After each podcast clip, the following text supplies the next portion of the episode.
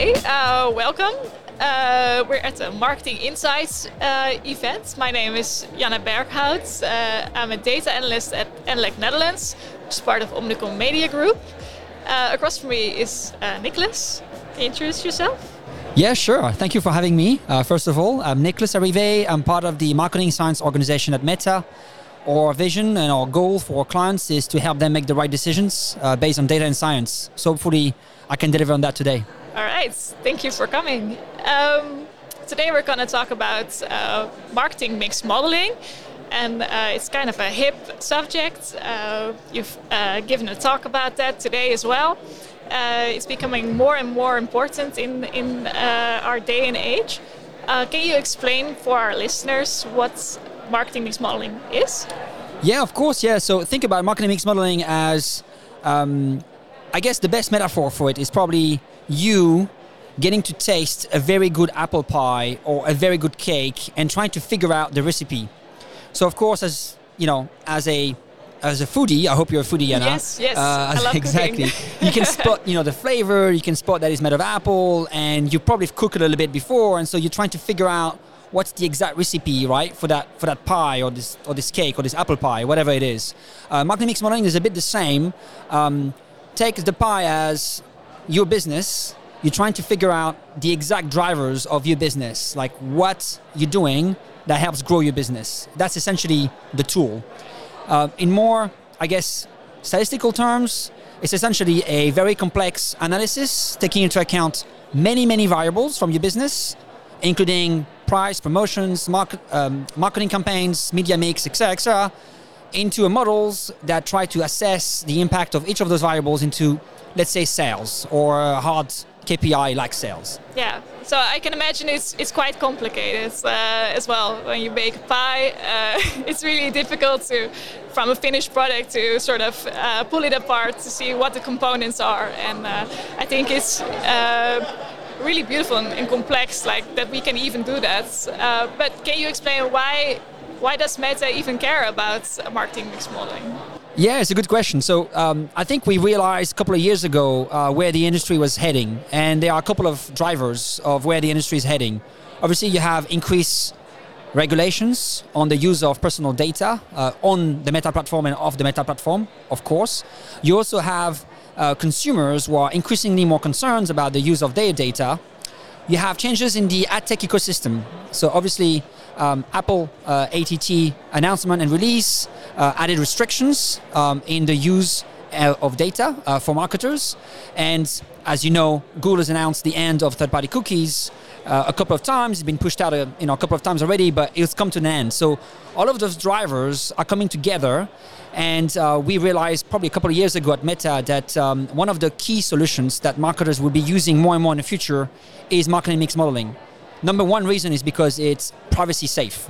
It doesn't rely on individual data points, but on aggregated data points, often aggregated at a daily level or weekly level.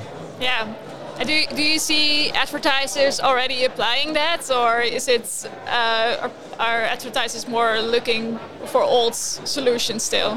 Yeah, so I think what we're observing is a couple of things. So first of all, I think there's a shift away from um, attribution solutions as the go-to solutions for all marketing decisions. Obviously, the context I just gave you um, explain why a lot of advertisers move away from attribution solutions. Um, underpinning those attribution solutions where the cookies, cookies are going away, it gets really, really complicated to actually use those attribution solutions uh, to make sound decisions. Um, so a lot of advertisers are trying, and you know, a bit like when you cook, right? You have to trial and figure out things, and you probably have to try a few times before getting the right apple pie. So I think a lot of advertisers are trying on their own to build their own models, um, starting maybe very simplistic, um, in a simplistic way with simplistic models, and getting more and more complex. Um, it's important to note that Meta, we release um, MMM open source code under the name of Project Robyn. And so I think we also contributed in accelerating that trend where a lot of advertisers are trying on their own and getting their hands dirty in building their own models. Right. So uh, when advertisers want to start building their own models, what, what do they need? Uh, it's a good question. So they need a couple of things. So um, let me start with the very basics. Uh, advertisers need to have a very good handle over their data. First party data, marketing data, price and promotion data. So they have to have access to that data to be able to build anything, especially models. So that's one very important piece. Obviously, partners, agencies like yours do help with gathering that data, but that's not enough. Um, the client has to have the data available in house. So that's point number one. Point number two, you need, frankly, the skills, right? So you need modeling skills. So it covers anything between, or anything, you know, uh, beyond a bit like stats knowledge. You need to be able to code a little bit in R or Python. You need to have that core technical skills. And last but not least, and I think agency like yours have that knowledge in-house inherently, you need a bit of industry knowledge or media knowledge. So you need to be able to interpret what is a GRP, how media is bought, how media is optimized, so that you can actually interpret the results of those models. Yeah. What uh, what kind of uh, tooling then do you use when you you have built your model as an advertiser, and uh, maybe you have in-house experts or uh, something like that? Uh, but then, how do you visualize? Uh, the results how do you come to a, like a normal conclusion yeah it's a good point so yeah. I, I, don't know if um, every advertiser is in-housing um, everything end to end uh, but I think there's a couple of trends. I mean, first of all, advertisers have access to cloud computing capabilities. A lot of their internal data sits in a cloud in well organized data lakes. Um, it's often the first step. Um, in terms of tools, um, I alluded to it a little bit earlier. Often, you know, ETL type of solutions to extract that data and pump it into the models, Python R to run the models, and very transparently, either visual visualization tools uh, and or you know very very nice and pretty PowerPoints to actually present the output um, are still in the work. Um, I think uh, more and more advertisers are developing their own visualization tool because I think it's a little bit easier to convince non-technical individuals, marketing teams, C-suite and executive. Um, it's also very empowering to have visualization uh, that are a bit dynamic so that other teams can play with some variables what if I increase the spend on Meta? What if I decrease it? What are the impacts? planned or forecasted.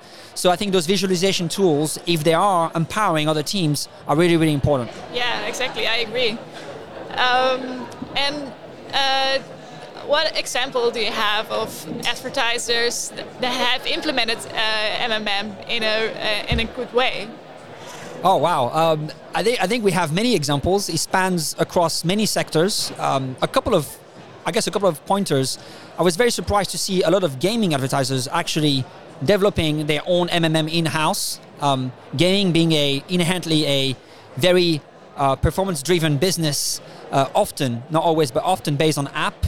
Um, it was a big shift for them. So we see gaming advertisers moving away from attribution solutions into MMM, in-house MMM. I think it's an interesting trend.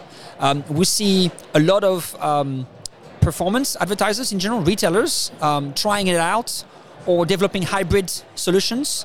So partially in-house, partially help with consultancies or agencies uh, to better the models and to advise on how to make the models more actionable. Um, and I think we also see uh, among the large CPG advertisers that we uh, deal with, uh, we see a bit of a renaissance of MMM, and they're trying to speed it up, uh, making more actionable, more granular, uh, and um, delivering uh, more frequently uh, some of the results. So I think it spans across the entire industry. Um, some are starting from ground zero, literally from ground zero. Some are trying to improve from existing practices. Yeah. So uh, my idea of MMM was, in fact, that it's that it's not granular, right? But that's how it used to be. How how deep can we actually go right now uh, in terms of uh, can we even see the differences between different audience groups or uh, like targeting groups or? Yeah, it's a very good question. Uh, hard to answer right off right off the bat um, now on the spot, but I think it depends obviously on the amount of data you have, the variability of that data, uh, and how much you invested either in a channel or in a tactic. I think um, the other components of being able to get granular insight from MMM is the labeling of that data. So if you have really rigorous naming and convention across platform or across marketing tactics, you can often get results that look at performance based campaigns all aggregated, or brand based campaigns all aggregated, or product focused campaigns all aggregated, regardless of the channel. So I think there's uh, the answer to your question is combination of how much data you have, variability of that data, and how well you label it across all activities.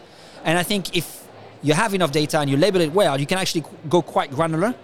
We have clients and advertisers in general who are looking at tactics or strategy on and off meta, by the way, to optimize uh, their media plans on the back of MMM. So it, it can be granular. It's definitely feasible and doable. Yeah, that's yeah, that's all sounds really great. But uh, what are actually the, the biggest hurdles for advertisers when they do MMM? I'll go back to this. I mean, you know, the foundation, right? The foundations are data, right? Getting the data right, making sure you have the right consent for the data, making sure you can use the data, and making sure that the data schema is comparable across channel, across platform, and you can actually make use of it. So it all comes down to really harvesting and um, getting that data right in the first place. I think if you have that, um, getting the skills is getting a little easier over time, and or getting the help from a third party like a consultancy and agency is also feasible. A very first step is getting the data right, the right data, the right moment, rightly labeled. Yeah. Do you also think it's uh, a matter of having enough data, or do most advertisers have have enough? I think, well, I mean, volume matters to some extent. Um, even though with the development of cloud computing capabilities and um, other capabilities, I think you can run MMM models way faster than before. Um, I think is is the availability of that data. Does it take you two weeks to get it, three months, or just two days? And the quality of that data that matters probably even more. Yeah. Yeah, I don't think I have anything else to ask uh, right now. Do you have Do you have anything to add? I just want to thank you for having me. Uh, thank you for this great time here uh, in Utrecht. I hope I pronounced this well, and uh, I hope to uh, chat with you again. Uh, yeah, thank you. Thank you so much, Anna. All right. Have a good one.